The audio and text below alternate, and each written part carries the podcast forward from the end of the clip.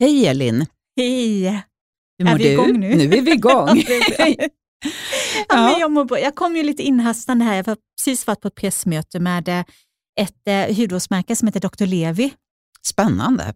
Ja, men det, var, det var jättespännande. Det har bara funnits något år i Sverige. Jag har testat lite produkter innan, men jag kan säga att jag har någon jättekoll på dem. Nej. Eh, Men nu hade de en representant som kom och pratade väldigt mycket om stamceller och hur det fungerar. Jättespännande. Och eh, att vi har olika, ja, men som olika stamceller i hudens översta lager, som i det mellersta lagret och så vidare. Och sen så hade de också en ny eh, apparat för hemmabruk som de visade upp. Som verkade, Åh, vet, älskar du apparater älskar för hemmabruk. Jag tänkte på det när jag ja. började greja med den. Men om jag förstår saken rätt så är det både mikroström och eh, radiofrekvens Mm. tror jag, i den. mm. En bra kombo. En bra kombo, men jag har inte alls hunnit testa den ännu, men den verkar väldigt lovande. Ehm, och Vi sen, längtar efter ett utlåtande Ja. på den.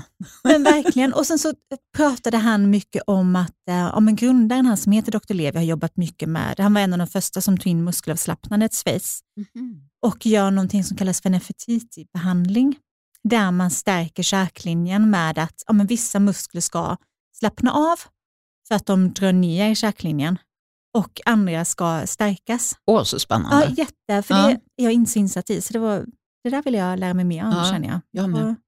Plugga på det lite. Ja. Hur mår du Anna-Karin? Nej, men jag mår jättebra faktiskt. Superbra. Solen kom fram och eh, ja, Du är igång. jag är Ja. igång. Vad härligt. Ehm, jag har tänkt lite på det här med um, skin cycling eller att man um, varvar sin Mm. hudvårdsrutin. Det skriver vi faktiskt lite grann om i vår bok, Hudnära. Just det. Fast vi kallar det inte det, utan jag tror att vi kallar det att, att man växer, hudvård med, med växelverkan, typ Mm. någonting sånt. Ja, vi kallar det nog för det ja. Ja. Kärt barn har många namn. Mm. Men det är ju lite samma sak. Jag, jag är ju väldigt förtjust i det. Nu kan jag ju inte göra det så mycket i och med att jag testar så många olika produkter. Men Mm. du gör det väldigt Ja, men mycket. jag gör det väldigt mycket. Och då att- varvar du olika produkter för att de ska kombineras bra Ja, precis. Så att, över en veckas tid kan man ja, säga. men typ så. Så kanske som exempel, jag gör på olika sätt, men kanske ena kvällen exfolierar jag och lägger på en kräm som är närande.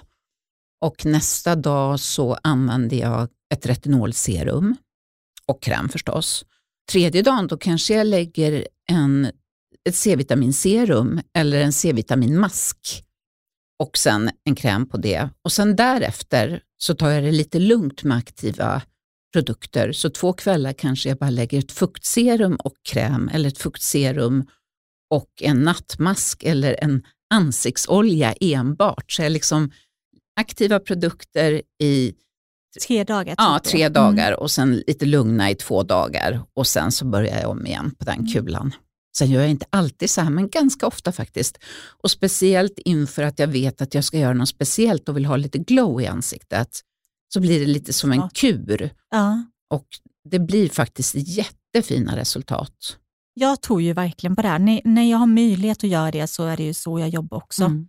Men nu är jag mitt inne i en jättetestperiod till olika jurygrupper, så då, blir det, Då får du lägga det åt då sidan. får jag lägga det helt åt sidan och mer dela in ansiktet i eh, ett serum på höger sida och ett på vänster Ja, men sida. precis. ja, du har ju bara ett ansikte, så det är väl bra Precis. att göra så. Vi ska ju prata lite om eh, kropp och normer idag. Även lite smink och det blir lite hudvård och så blir det en del naket. Ja, det blir en hel del naket idag faktiskt. Jätte- Inte just du och jag, men vi ska prata med vår gäst Precis. om Precis. nakenhet. Christian Quinterius Soto, om jag uttalar det rätt. Ja. Och han är ju kroppsaktivist. Men vad har du för förhållande till din kropp? Det har nog varit lite olika under årens lopp faktiskt. Som barn så tror jag inte jag tänkte på den alls. Och sen när man blev tonåring från kanske 12 till, ja, egentligen ända upp till 22, så, så var det nog mer att jag, ja, under tonåren så, först tänkte jag nog inte alls på det och sen så tyckte jag nog att jag var väldigt pinnig vid sidan om mina kompisar. Att jag liksom var, var lång och smal och inga höfter och inte så mycket bröst att skryta med heller. Men det kom ju med tiden båda delarna så det behövde man inte oroa sig för. Eh, men när jag var ung så egentligen inte mer än att det kanske var lite jobbigt att inte vara så kvinnlig när man var tonåring. För det, det var jag ju inte riktigt i kroppen i alla fall. Men mer, mer i sinnet? Ja, men absolut. Mer i sinnet. Jätteintresserad av, av allting och kläder och allt sånt där. Men gärna lite bylsiga tröjor. du då, Elin? Ja, men jag är nog lite tvärtom. Jag har alltid haft ett komplicerat förhållande till min kropp. Fem och tillbaka egentligen genom hela livet, men sen väldigt tidigt så har jag nog lagt alldeles för mycket på, alldeles för mycket fokus på min kropp istället för att lägga det på andra saker. Jag önskar att jag hade lagt all den energin jag lagt på att tänka på kroppen och allting runt omkring den till sånt som faktiskt kan påverka någonting och som egentligen är viktigt. Ja, faktiskt. Sant. klokt sagt. Men jag, jag känner ju att ja, jag är uppväxt under 80-talet då bantningskulturen var enorm. Alla skulle träna framför Jane Fonda och eh, mm. Susanne Lanefelt. Och, eh, och sen så skulle man banta och man skulle, hade kanske faste perioder. Det var ju ingenting jag gjorde såklart som barn. Nej, det hoppas jag, för då var du lite för ung. Precis, men det är ändå någonting som man såg. Mm. Men och sen så efter det, runt millennieskiftet där omkring, då var det ju mycket med eh, ja, men size zero och det var också liksom extremt magert och eh, det var mycket Hollywood-ideal där alla var helt raka, platta, boho-chicka, så det var andra kläder. Men eh, väldigt, väldigt magra. Och nu menar jag absolut inte att det är något negativt att vara smal, absolut inte det, utan den normen jag tycker att det är något fel på. Så jag har väl helt enkelt aldrig känt mig riktigt hemma i det. Så jag jobbar ändå med min kroppsliga självbild, men jag har kommit betydligt längre nu än vad jag, än vad jag var tidigare.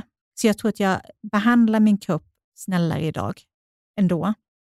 Och idag ska vi prata med Christian som har gjort lite samma resa, men har kommit längre än vad jag har. Och Det ska bli jättespännande faktiskt. Och En av de anledningar till, som jag förstår, att han har eh, ja, men accepterat sin egen kropp är att han faktiskt har ja, men bland annat börjat nakenbada. Mm.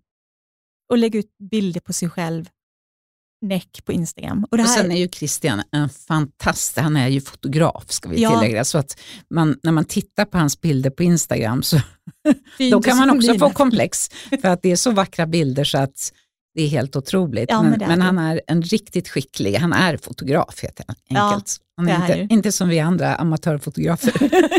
streck på ryggen, streck med en Nej. Nej, det går ju inte. Det är Nej. en jätteskillnad. Men eh, det ska bli jättespännande att höra vad han eh, har att säga. Ja, och Christian är en supertrevlig person, så det här kommer bli så bra och trevligt på alla sätt. Verkligen. Den här veckans beauty-svep så tänkte jag prata om vad du behöver tänka på när du ska gå på en behandling hos kanske en eh, auktoriserad hudterapeut eller om du eh, är på spa och så går till en spaterapeut eller massageterapeut. En av de första sakerna du behöver tänka på är att eh, tidigt, gärna redan när du bokar, berätta om eventuella sjukdomar, medicinering och om du är eh, gravid till exempel. Det kan nämligen påverka behandlingen jättemycket. Likadant om du har till exempel hjärtproblematik eller någonting annat.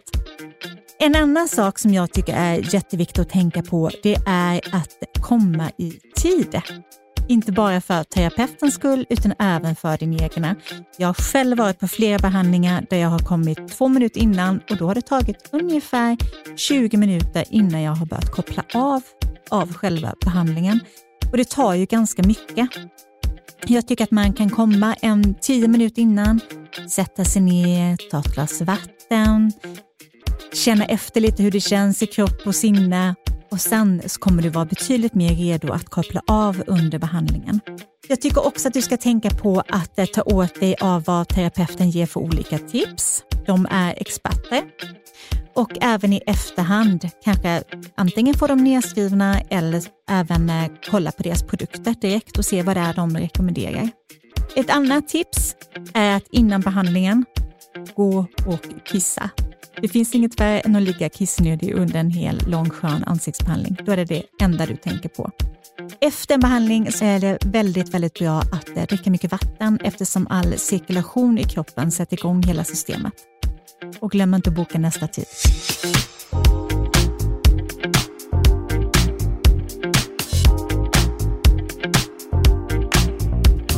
En klok konstnär och kroppsaktivist som poserar naken och målar både på duk och på sitt eget ansikte.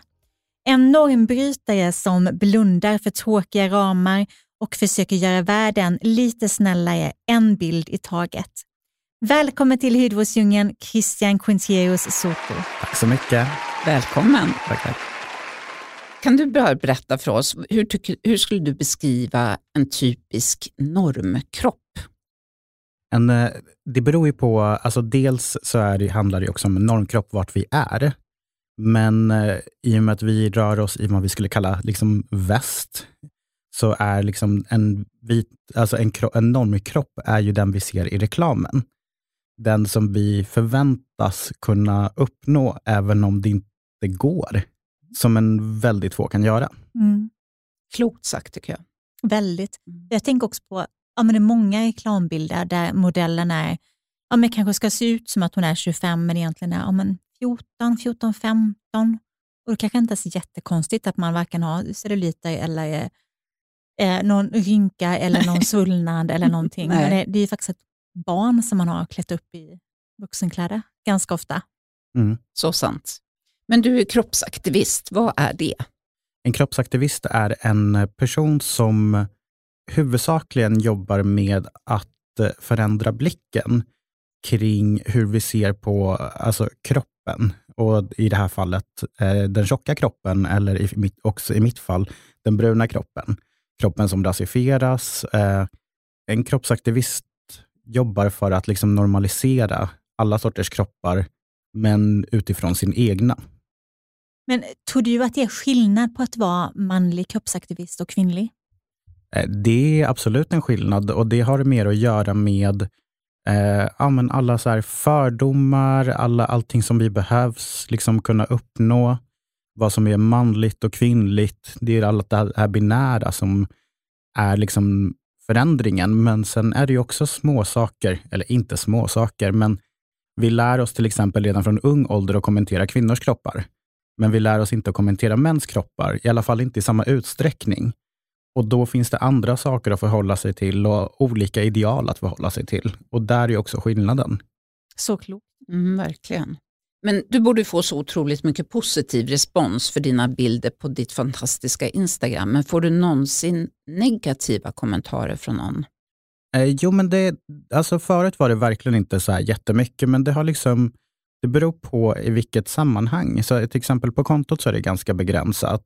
Eh, men eh, åter till igen det här att man inte riktigt vet hur man ska kommentera på det.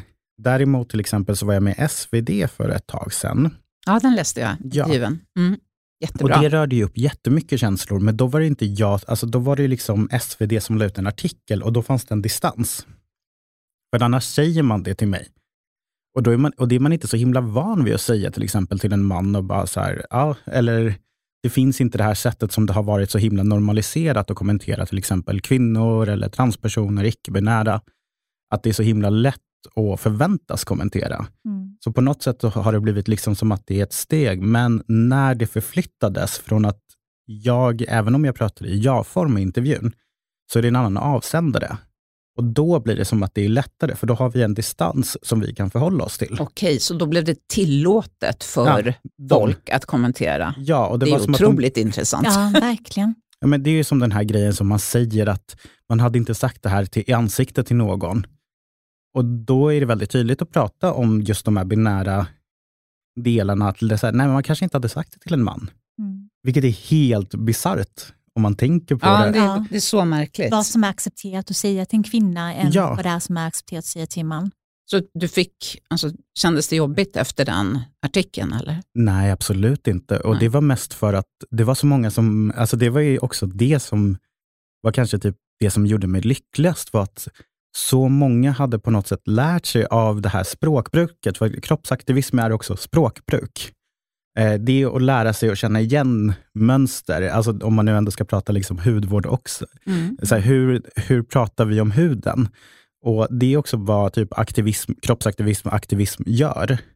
Eh, och Det var att många så här, istället kommenterade, det var huvudsakligen i det här fallet män som var väldigt arga. Ja. Men då var det så här, att många kommenterade, Nej, men det är du som känner de här känslorna kring din egen kropp. Och det är därför du uttrycker det här. Det här har inte kopplat med att den här mannen är och badar. Hur kan det göra dig arg? Det är, det är dina osäkerheter som du liksom reflekterar. Och bara att det språkbruket eller det tänket tyckte jag var liksom en sån enorm vinst. Mm. De kanske hade behövt ett kallt nakenbad. Ja, ja. Alla behöver det. ja, definitivt.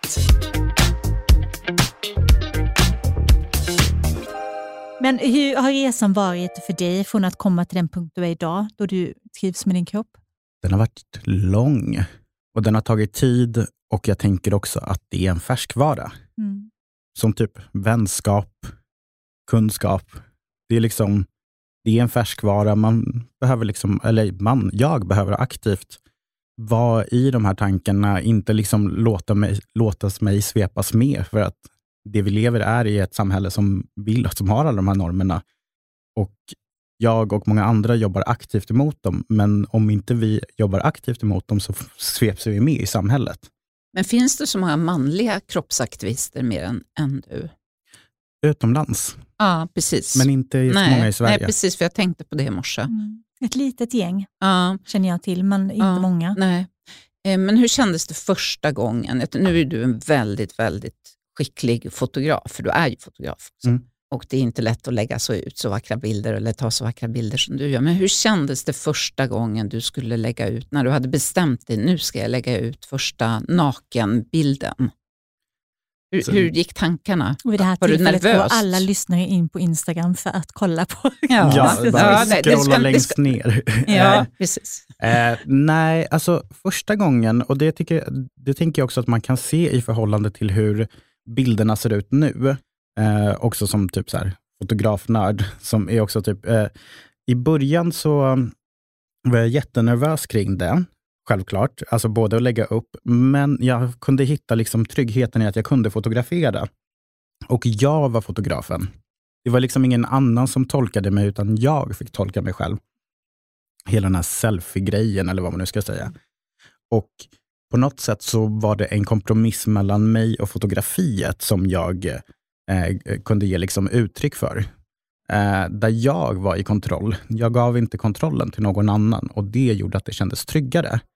Eh, om man nu så pratar kontra hur det är nu, så är det mer mobilbilder och lite snabba ögonblick. Och Det är för att jag också känner mig trygg i att släppa ifrån kontrollen eller ge telefonen till någon annan eller ge kameran till någon annan. Så det är mycket liksom, allt från en kontroll till att liksom våga släppa den kontrollen. Mm, jag förstår precis. Mm. Men stylade du bilderna någonting innan? Alltså nu tänker jag inte mm. att du retuscherar dem, men tänker du till exempel, men nu ställer jag upp pallen här och fixar bakgrunden, eller, hur, eller blir det mer spontant? Förut så var det mer arrangerat. Mm. Och Jag kommer ihåg att då tänkte jag så här, åh, om man bara hade haft med sig kameran på det här magiska ögonblicket. Och då har, vi har ju alltid med oss en kamera. Ja. Eh, så på något sätt så, ja, jag stylar bilder och ibland så blir de bara så slumpmässiga. Och Jag försöker liksom ha någon mix av det just nu. Eh, men jag gör, alltså, i början så var det liksom studioljus och eh, hitta en, någon vit bakgrund eller en, liksom en, en bakgrund som funkade till det och vi provade vinklar och i och med att jag fotar med en, en systemkamera så kunde jag koppla den till min telefon och se bilden och röra mig utifrån det. Aha, smart. Så det, det är också, alltså, man, alltså nu när jag går tillbaka så ser jag, känner jag också hur mycket kontroll. Mm. Men det var ju också typ så här, återigen den här kompromissen jag hade med mig själv. Att så här, jag ger ut det här, men då är jag trygg i det här. Mm. Och Jag gillar det här fotot för det här, men det här behöver jag kanske typ släppa taget om. Så det är därför jag också, det är en lång process. Ja men verkligen. Och jag tänker på de här, bland de första bilderna jag såg som du hade lagt ut, det var ju en när du har en speciell mask på dig mm. och sitter på en klippa. Kommer du ihåg det? Ja, just det. Ja. och jag, då känner jag mig väldigt hedrad för du har den vackraste bilden med den masken någonsin. Gud vad roligt. Men nu ska du själv bli pappa snart. Ja. Hur tänker du runt det och, och hur man ska förmedla det här med tankarna kring, kring kroppsmedvetenhet och uppfostran till ett barn? För att liksom avdramatisera det här. Inte direkt när de är små kanske, men jag tänker lite senare. Ja, men allt eftersom så är det, alltså det är ju alltså små saker. Dels vad vi, hur vi pratar med, nu vet vi att det är en flicka tills vidare. Och eh, det vill säga att barnet har inte uttryckt. Eh, men eh, vi, mycket hur vi, alltså mycket kommer, alltså i början kommer vara vad andra säger till henne då och hur de förhåller sig till det. Ja, men jag tänker typ så här, inte utgå från att hon kommer vara typ heterosexuell eller ens är en tjej eller typ eh, jobba utifrån yrken eller faktiskt säga ifrån när vuxna kommenterar på hennes kropp. Alltså det tänker jag kommer vara liksom de första delarna. Eh, sen har ju Kajan eh, Andersson skrivit en fantastiskt bra bok som heter Livsviktigt, som handlar om att liksom, eh, uppfostra sina barn med liksom ett kroppspositivt eller ett kroppsneutralt sätt. Den Bra är tips. jättebra. Ah, Kan lägga till, också den. bra tips Mm. till lyssnarna. Den finns också som Verkligen. ljudbok för den som har lite svårt för att läsa Mm. ibland. Ja, perfekt. Så det är också typ så här saker som jag tänker och det är också typ, för mig är det en lyx att ha också så här Kajan som vän och många typ så här som jag har typ eh, så här hudvårdsnördar som kroppsaktivist, att man faktiskt kan diskutera de här sakerna. Eh, även om jag vill att fler ska känna sig välkomna och ställa de här frågorna och fundera kring dem, så tycker jag att det är väldigt härligt att ha alla de här människorna på något sätt, eh, inom citationstecken, nära. För att det är via sociala medier. Ja, för det är någonstans diskussionen det handlar om på något sätt ändå. Ja. Det är så vi kommer framåt. Min, min åttaåriga dotter sa till mig för några veckor sedan, hon bara, mamma, ja, men du är ju tjock och så, men jag tycker att du är fin ändå. så, ja, tack, sa jag. Och sen så försöker jag förklara det här att ja, men, tjock är inte Mm. lika med ful. Mm. Alltså att jag, jag kan vara lika fin och även känna mig fin även fast jag är tjock. Det behöver inte vara synonymt med någonting som är fult. Och det är ju någonting som, ja, men hon och jag har haft den diskussionen innan också. Jag försöker verkligen lära mina barn att, ja, men att det vackra behöver inte vara normen, Nej. utan det vackra kan finnas i väldigt, väldigt mycket. Och att det mycket kommer ja, från utstrålning och hela den biten och att tjock inte behöver vara ett skällsord, men det sitter ju någonstans där ändå. Så jag fick ju liksom le lite glatt och sen ändå försöka på något sätt visa att jag är trygg i min kropp genom att skutta runt naken även när man inte är det. Liksom. Men det tänkte jag lite på just med det här med barn. Mm. Att jag tror att det är så otroligt viktigt. Nu är mina barn stora, men, så var det också när jag växte upp, att det var aldrig något konstigt liksom, att man steg ut hemma eh, ur duschen, att man inte behövde liksom slita på sig ett, ett, ett lakan eller klä på sig in i badrummet för att skyla sig eller någonting sånt. Jag tror att det är så otroligt viktigt att man får det hemifrån för att sen kunna ge det till sina egna barn. Att, att naken, är- naket är inte konstigt på Nej, något jag sätt. håller verkligen med dig. Det ska bara vara Mm. lika normalt som att liksom, jag vet inte vad, vad som helst alldagligt. Ja, men det är också viktigt att lära barnen att liksom, eh, nakenhet är inte sexuellt. Mm. Och Nej, att, precis. eh, på något sätt, jag tror att det är så här, eh, jag, jag såg i någon så här dokumentär för jättemånga år sedan att så här, kapitalismen tjänade pengar på att klä av människor kroppar, men också på den avklädda kroppen. Alltså att den, det. det. Det, finns någonting Ja. dubbelt Mm. i det. Och, att det eh, och det tycker jag är så, här, så himla intressant tanke kring- att tänka för att ja, men typ så här, inom typ kroppsaktivismen och typ naturismen så får kroppen bara existera. Mm. Och när man bara existerar så finns det inte kanske ett, ett nödvändigtvis värde. Men behöver, det, behöver man prestera eller behöver man existera och behöver man alltid ha ett värde? Kan man bara få vara? Mm. Och det tycker jag är också så här en superintressant sätt att förhålla sig till eh, både med kroppen men också någonting som jag har problem med. Så här, jag har väldigt mycket så här, eh, jag så här prestationsbaserad ångest. Att så här, om inte jag känner att jag jobbar jättemycket så är inte jag värd. Men så försöker jag liksom jobba in det. att, Nej men vet du vad, jag får bara vara. Ja, Det är jättesvår utan grej. att någon ska vä- värdera en, Mm. varken en själv, som det oftast Mm. är, Ja, men även andra. Jag håller helt med dig. Det där är en jättesvår grej. Mm. Att man inte har slösat bort en dag för att man har tagit det lite lugnt, utan Ja. att man Exakt. faktiskt Precis. får ta det lugnt ibland för att överleva. Ja, verkligen.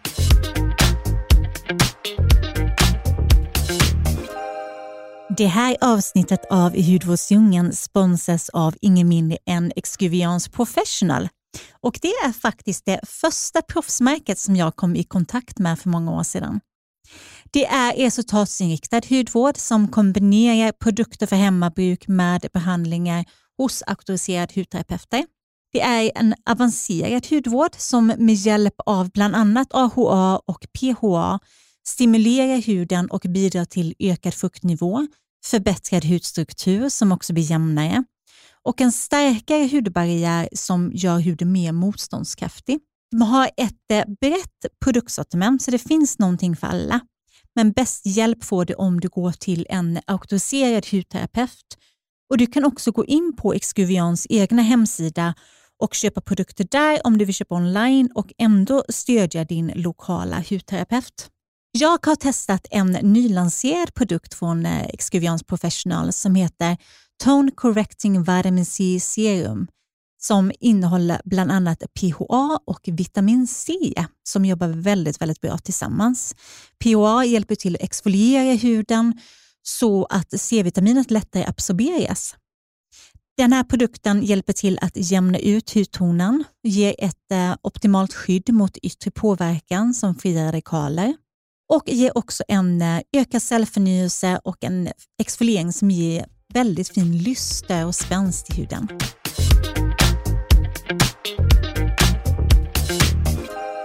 Men har du några andra tips för att komma till lyssnarna, för att komma till acceptans med sin egen kropp? Alltså, jag tror att alltså, det är en lång process och som jag nämnde tidigare så är det liksom en färskvara. Mm. Så det är inte så att jag bara liksom gjorde saker och så var det klart. Eh, men jag tror att det största steget jag tagit nu liksom i efterhand var att jag faktiskt bestämde mig för att vilja förändra. Och att det var liksom det absolut stora. Det, sen har det bara liksom på något sätt flytit på och jag har utmanat mig själv i vissa sammanhang. Och sen är det bara liksom, man får alltid komma ihåg att människor är så här egocentriska. De bryr sig mest om sig själva och tänker inte på att man har den här toppen eller den här t-shirten eller att man visar lite mer eller mindre. Utan man, har, man är mer fokuserad på vad man själv har än vad andra har. Mm. Och om någon tycker och tänker någonting, alltså det är så här, ja, ja. Ja, då får ja. de ju göra det. Så ja, och, och, det, och det är också så här, ja, men okej, okay. jag, jag, vet inte, det är som att det är så här, ja, Nej. Men man måste inte vara älskad av alla. Nej. Man måste inte heller vara kompis med alla. Nej, Nej, Precis. Det är ju så. Men hur tycker du att vi som samhälle ska arbeta för att vi ska få en större acceptans för den icke-normativa, så som det ser ut nu, kroppen? Alltså, av att säga den icke-normativa kroppen är ju också att belysa att det finns ett, liksom ett strukturellt ja, problem. Precis. Som till exempel att säga att eh, rasifieras. Alltså, det finns ju inga raser, men man rasifieras. Så jag mm. säger till exempel att jag inte är rasifierad, jag rasifieras. Eh, som jag tycker är en så här, men det är också det här språkbruket. Eh, och det är någonting så här, på något sätt så här, så länge det är ett problem, situationstecken, men alltså att det är orättvisor, så behöver vi också belysa de här orättvisorna och då behöver vi ha de här orden. Eh, ja, men typ, det kan finnas en fara i att inte se färg, att inte se storlek. Eh, för att det finns liksom till och med statistik över att de här personerna som, in, som har den här, ännu igen, icke-normativa kroppen, har sämre förutsättningar i livet. Och det är inte rättvist. Ja, ja det är det eh, verkligen inte. Så att vad vi kan göra som ett samhälle är ju att eh, numera belysa det, men också försöka förändra det sakta men säkert. Vi ser också hur reklamen förändras eh, och vi ser också typ så här hur filmer förändras och allt sånt där. Eh, nej, men, och då är det som att vi också förändrar vår mentalitet. Det blir liksom inte en chock den tjugonde gången vi ser en tjock person i en reklam. Nej. Det blir inte en chock den femtionde gången vi ser ett samkönat par ha barn. Det blir normaliserat. Det blir helt mm. normaliserat. Mm. Men jag, tänker, jag tycker nog sista, men det är min personliga åsikt, sista år, två åren kanske, att det har ändrats lite i reklamen. Att det är lite mer reklam med människor i olika storlekar, speciellt kvinnor då, mm. för underkläder och sådana saker. Men även att man ser liksom både rörlig reklam och, och i tidningar just samkönade par och sådana saker som gör att det finns lite, lite, att det går lite långsamt, men att det ändå börjar komma in lite. Hur, hur tänker du på det Christian? Alltså jag kan faktiskt hålla med om att det har blivit bättre och sen så kan man ju också prata om så här, jag, är, jag kan väl säga till att börja med att jag är väl typ team jag tycker att det är bra, för att det är lite det som vi förväntas. Men det kan finnas en viss här, eh, vad ska jag säga, bitterljuvt i att på något sätt så hittar de de som är liksom däremellan och, och de följer på något sätt normen, men samtidigt så kanske det är bra att man ruckar på det lite i taget. Och, eh, ibland brukar jag säga så här, men typ så här, om samhället är så starkt, varför är det så lätt att rucka på det? Om patriarkatet är så starkt, varför är det så lätt och typ att man kan ha typ ett så här, ja, men typ lite smink för att liksom bryta det? Men samtidigt så är det någonting också som man måste liksom fortsätta fortsätta rucka med och pusha och pusha och pusha och pusha. Uh, och där tycker jag, på det sättet så tycker jag att det är bra, för att kanske för oss som har varit med i gamet, eller jag gör mycket citationstecken idag, uh, men för oss som har, liksom, har varit delaktiga i det, kanske det ser lite så här, ah, så där ut i reklam och sånt där. Men jag tänker också för unga personer som ser det, att de får se sig själva och att det i sig är liksom en vinst som kanske inte räknas med, som absolut är liksom kanske det som är allas våra gemensamma slutmål. Mm. Att unga ungdomar får känna sig trygga i sina kroppar och får känna sig representerade och så vidare. Jag kommer ihåg Christian, första gången jag träffade dig så var vi på en konferensresa till eh, Kiruna med Daisy Beauty. Just det. Och Ett av mina första minnen är vi sitter i en utomhuspool och du berättar om ett av dina tidigare sommarjobb. Kommer du ihåg detta? Du jobbade i en konstinstallation. Just det. Som, kan du berätta om det? För det här är typ det knasigaste jobbet jag har hört om någonsin. Det vill jag höra och säkert mm. lyssnarna också. Uh, uh, jo, det är så här att uh, som då pluggade jag på Kungliga Konsthögskolan och då har vi inte skola på sommaren, så jag behövde ett sommarjobb. Eh, och så dök det upp en, eh, dök det upp en, vad heter det, en typ, eh, vad heter det? Alltså, Sommarvik? Nej, men ett, så här, typ så här, ett jobberbjudande. Mm. Eh, eh, av att man skulle typ så här, reflektera kring sin relation och man skulle ta hand om en, eh, en artificiell äng. och så läste jag igenom den här texten och så skulle man skriva typ en eller två sidors reflektion kring det här. Och liksom när jag läste igenom det så kunde jag liksom också med den kunskapen jag har bryta ner det till att jag kommer ju bara sitta där och ta hand om en äng. Alltså, alltså vilket, um, och det här var så här, det här vill jag ju ha. Ja, ett så underbart jag, sommarjobb. Ja. ja, så att jag, eh, jag sökte det här jobbet, skrev en, liksom en text om Eh, gud, jag kommer inte ihåg vad jag skrev, men så här, vad innebär det att jag lämnar, för att då hade vi har inte så här, eh, en säsongsplats på en, en, en, camping utanför Stockholm. Och eh, Då var det så här, vad, vad, innebär det att jag lämnar naturen för att ta hand om naturen i en urban miljö? Jag vet inte, men det var väldigt så här flummigt. Eh, det var pandemin och jag var där och bara typ så här, vattnade den ibland och skickade go goda vibbar. Klappa eh, lite på gräset. Ja, men typ. Och ja, så skulle man vara så här, eh, så, skulle jag vara, så skulle jag också typ vara där och egentligen hålla samtal med människor. Men på grund av typ så här, rasism så blev det typ så här, jättedålig stämning. Eh, det var folk som trodde att jag bara var någon så här gardener istället för någon slags intellektuell. Eh, folk pratade engelska med mig, folk pratade spanska med mig. Eh, alltså det var verkligen så här, det spårade så himla Rörigt. Mycket. Ja, så till slut så satt jag mer eller mindre med mina lurar och bara så här, skickade goda vibbar. Och vattnade lite. och vattnade. Precis. Det gjorde du rätt Och det var så här, det är, men det är också typ så här, konst är så himla spännande och att ibland så behöver man hjälpa till på sådana grejer mm. och det gynnar mig. Och ibland eh, kanske lite för tokigt för min smak. Men nu har du testat. Nu har jag gjort det. Och vi kan ju se att du hade publik när du gick runt och vattnade ängen, att folk liksom skulle kolla på dig ja, som exakt. en konstinstallation. Så det var inte en äng ute i... i Nej, det var en artificiell en äng. Ja, ja precis. precis. Ja, men precis. Kan du berätta lite om ditt yrke som konstnär? Vad gör du? Ja, vad gör jag? Ja. Eh, Jag, eh, jag är konstnär och jag har, tog min examen förra året från Kungliga Konsthögskolan. Grattis! Tack, tack. Har en uh, femårig examen och tre förberedande år innan dess. Så jag har ju pluggat konst i åtta år, vilket är helt... Oj, oj. Uh, och vill ju i framtiden också tillbaka till institutionen och göra min uh, PhD, alltså doktorera in, i fri konst. Då. jag jobbar med vad man skulle kunna kalla för konstnärlig forskning.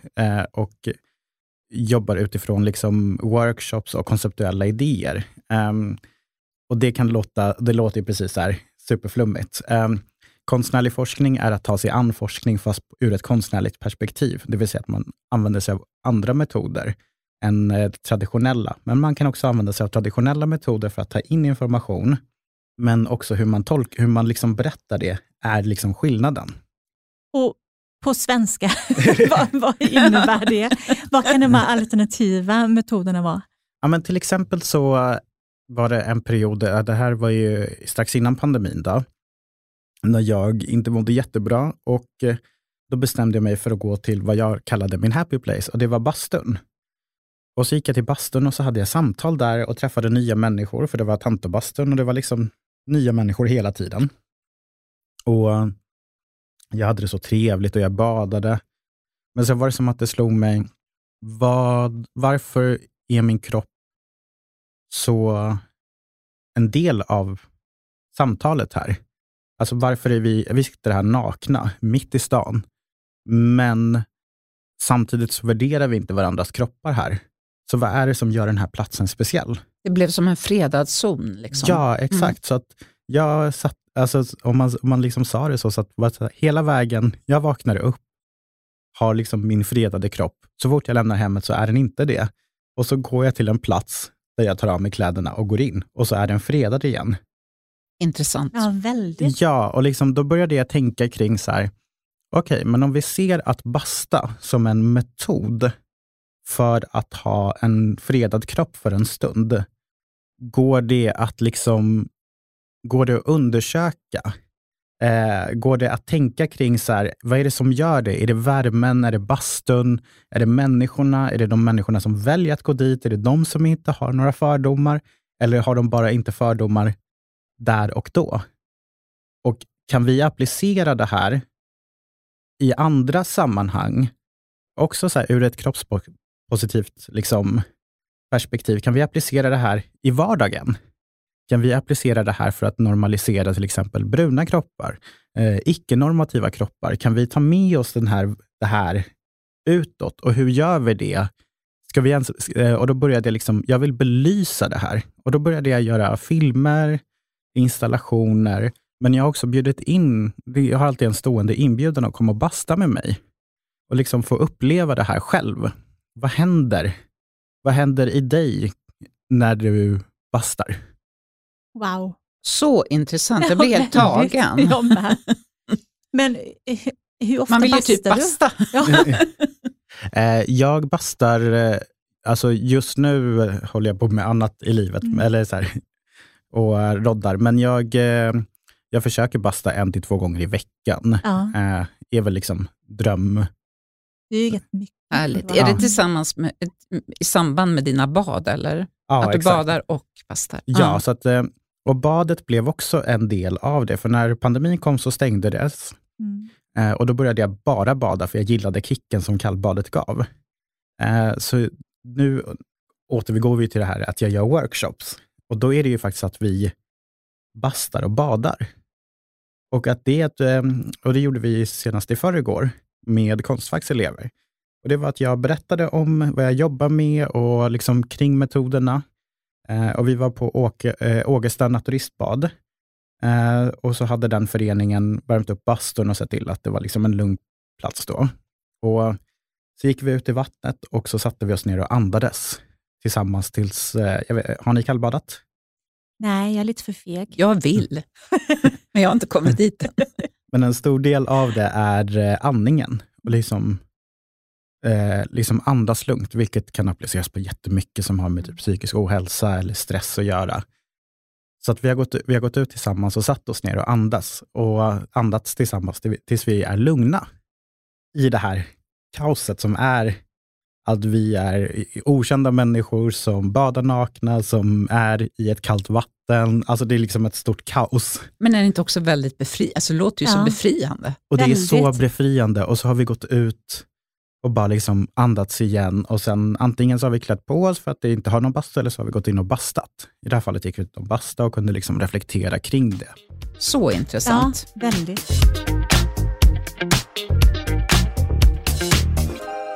Du har ju hoppat in som krokig-modell också. Mm.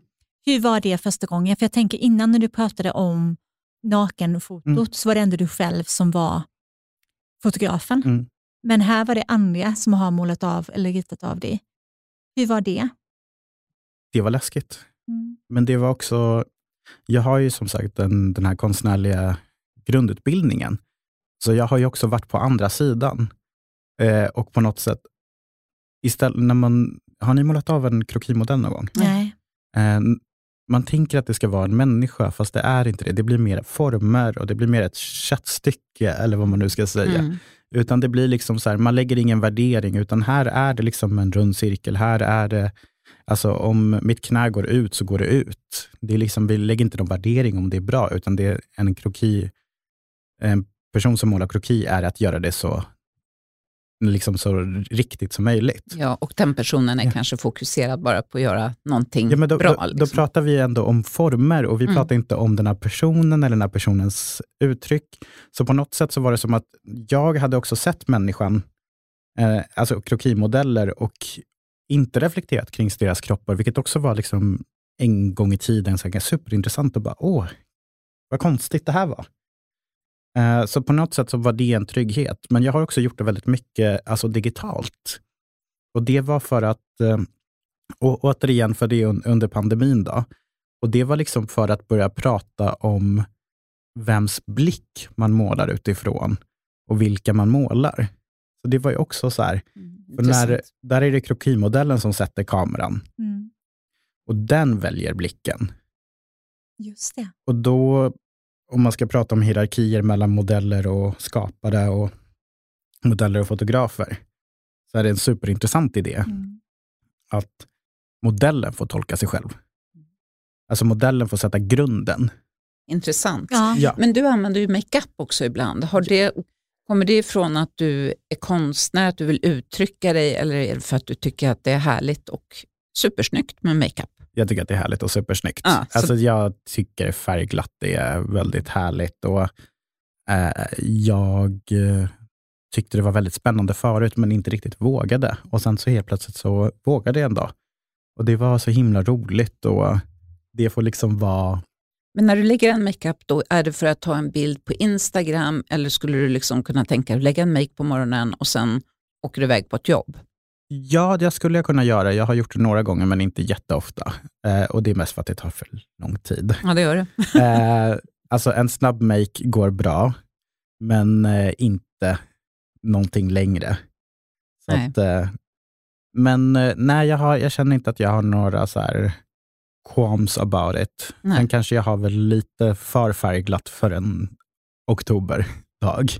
Men egentligen finns det ju inte det. Så att, ja. Nej, kan det vara för färgglatt? Ja. Nej, Elin är bra på att vara färgglad. Ja, och du är alltid jättefin, Elin. Tack, vad du är gullig. Men brukar du sminka din fru också? Ibland får jag det.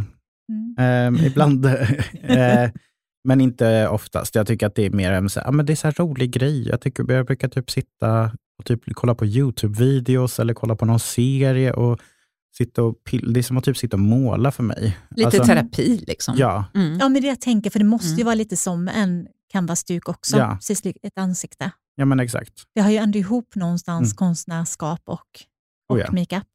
Men eh, du har ju också ett intresse för hudvård.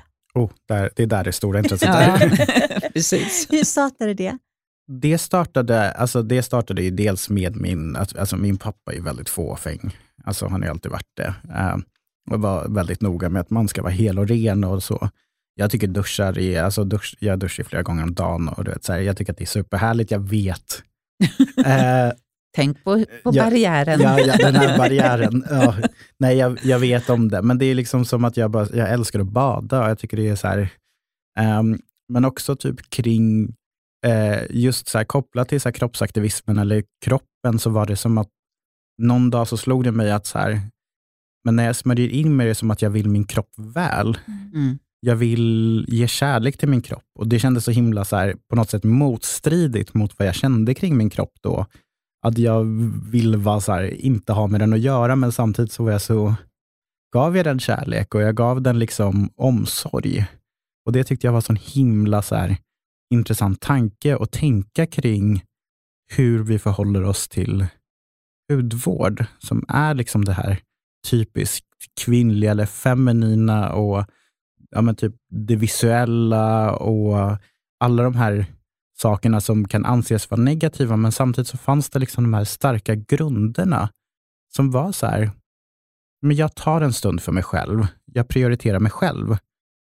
Och det var någonting jag inte gjorde då.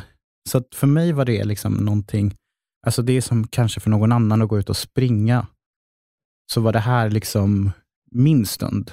Så bra, det där brukar faktiskt både Elin och jag försöka lyfta fram, att det är faktiskt, hudvård är inte ytligt, utan det är, inte bara bra för huden att smörja in sig, utan det är faktiskt bra för, för eh, själen. själen. Mm. Oh ja. att, att, klappa lite på sig själv och ge ja. sig själv den här stunden. Ja, men jag vet också som om just med kroppsvård, när jag om pilar hela kroppen, sköljer av och smörjer in mig som med respekt för mig själv, inte gnugga in lite snabbt och sen så springer iväg och klär på sig, utan men tar den lilla tiden och gärna masserar in krämen och så, så känner jag också verkligen att jag gett kärlek till, till min kropp. Mm tror att det är ännu viktigare än stressig vardag faktiskt. Det tror jag också. Jag tror att det är väldigt bra för kroppsmedvetenheten, en mm. positiv kropps, ja.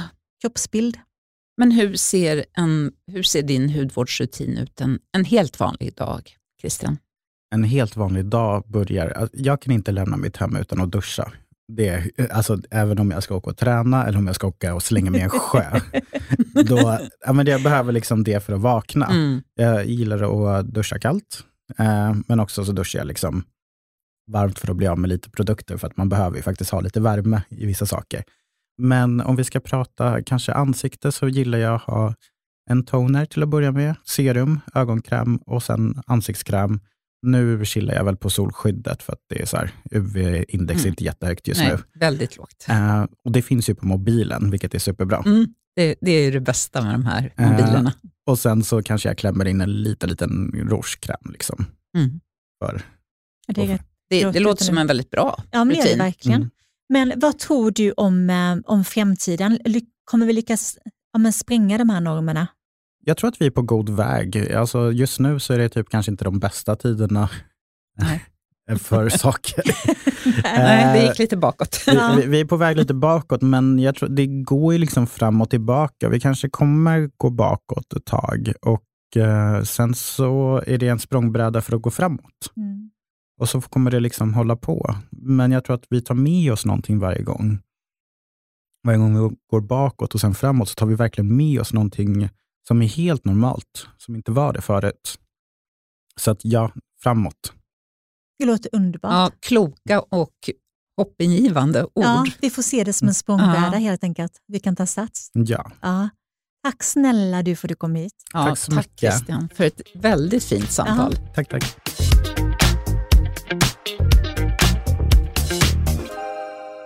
Wow, vad klok han är. Ja, klok som en bok. Klok Christian. och ödmjuk samtidigt. Och, en ja, kombination. Precis. Ett väldigt intressant samtal. Ja, det var det tror Christian, vi får bjuda hit honom fler gånger tror jag. Ja, han skulle, vara, mm, han skulle finnas på många fler platser. Ja, alltså, verkligen. Han behövs. Han behövs. Tack för idag. Tack för idag. Glöm inte att prenumerera på oss. Nej, precis. Och om ni lyssnar på podden får ni jättegärna betygsätta den också. Och gärna sprida den vidare. Ja, hej då. hej då.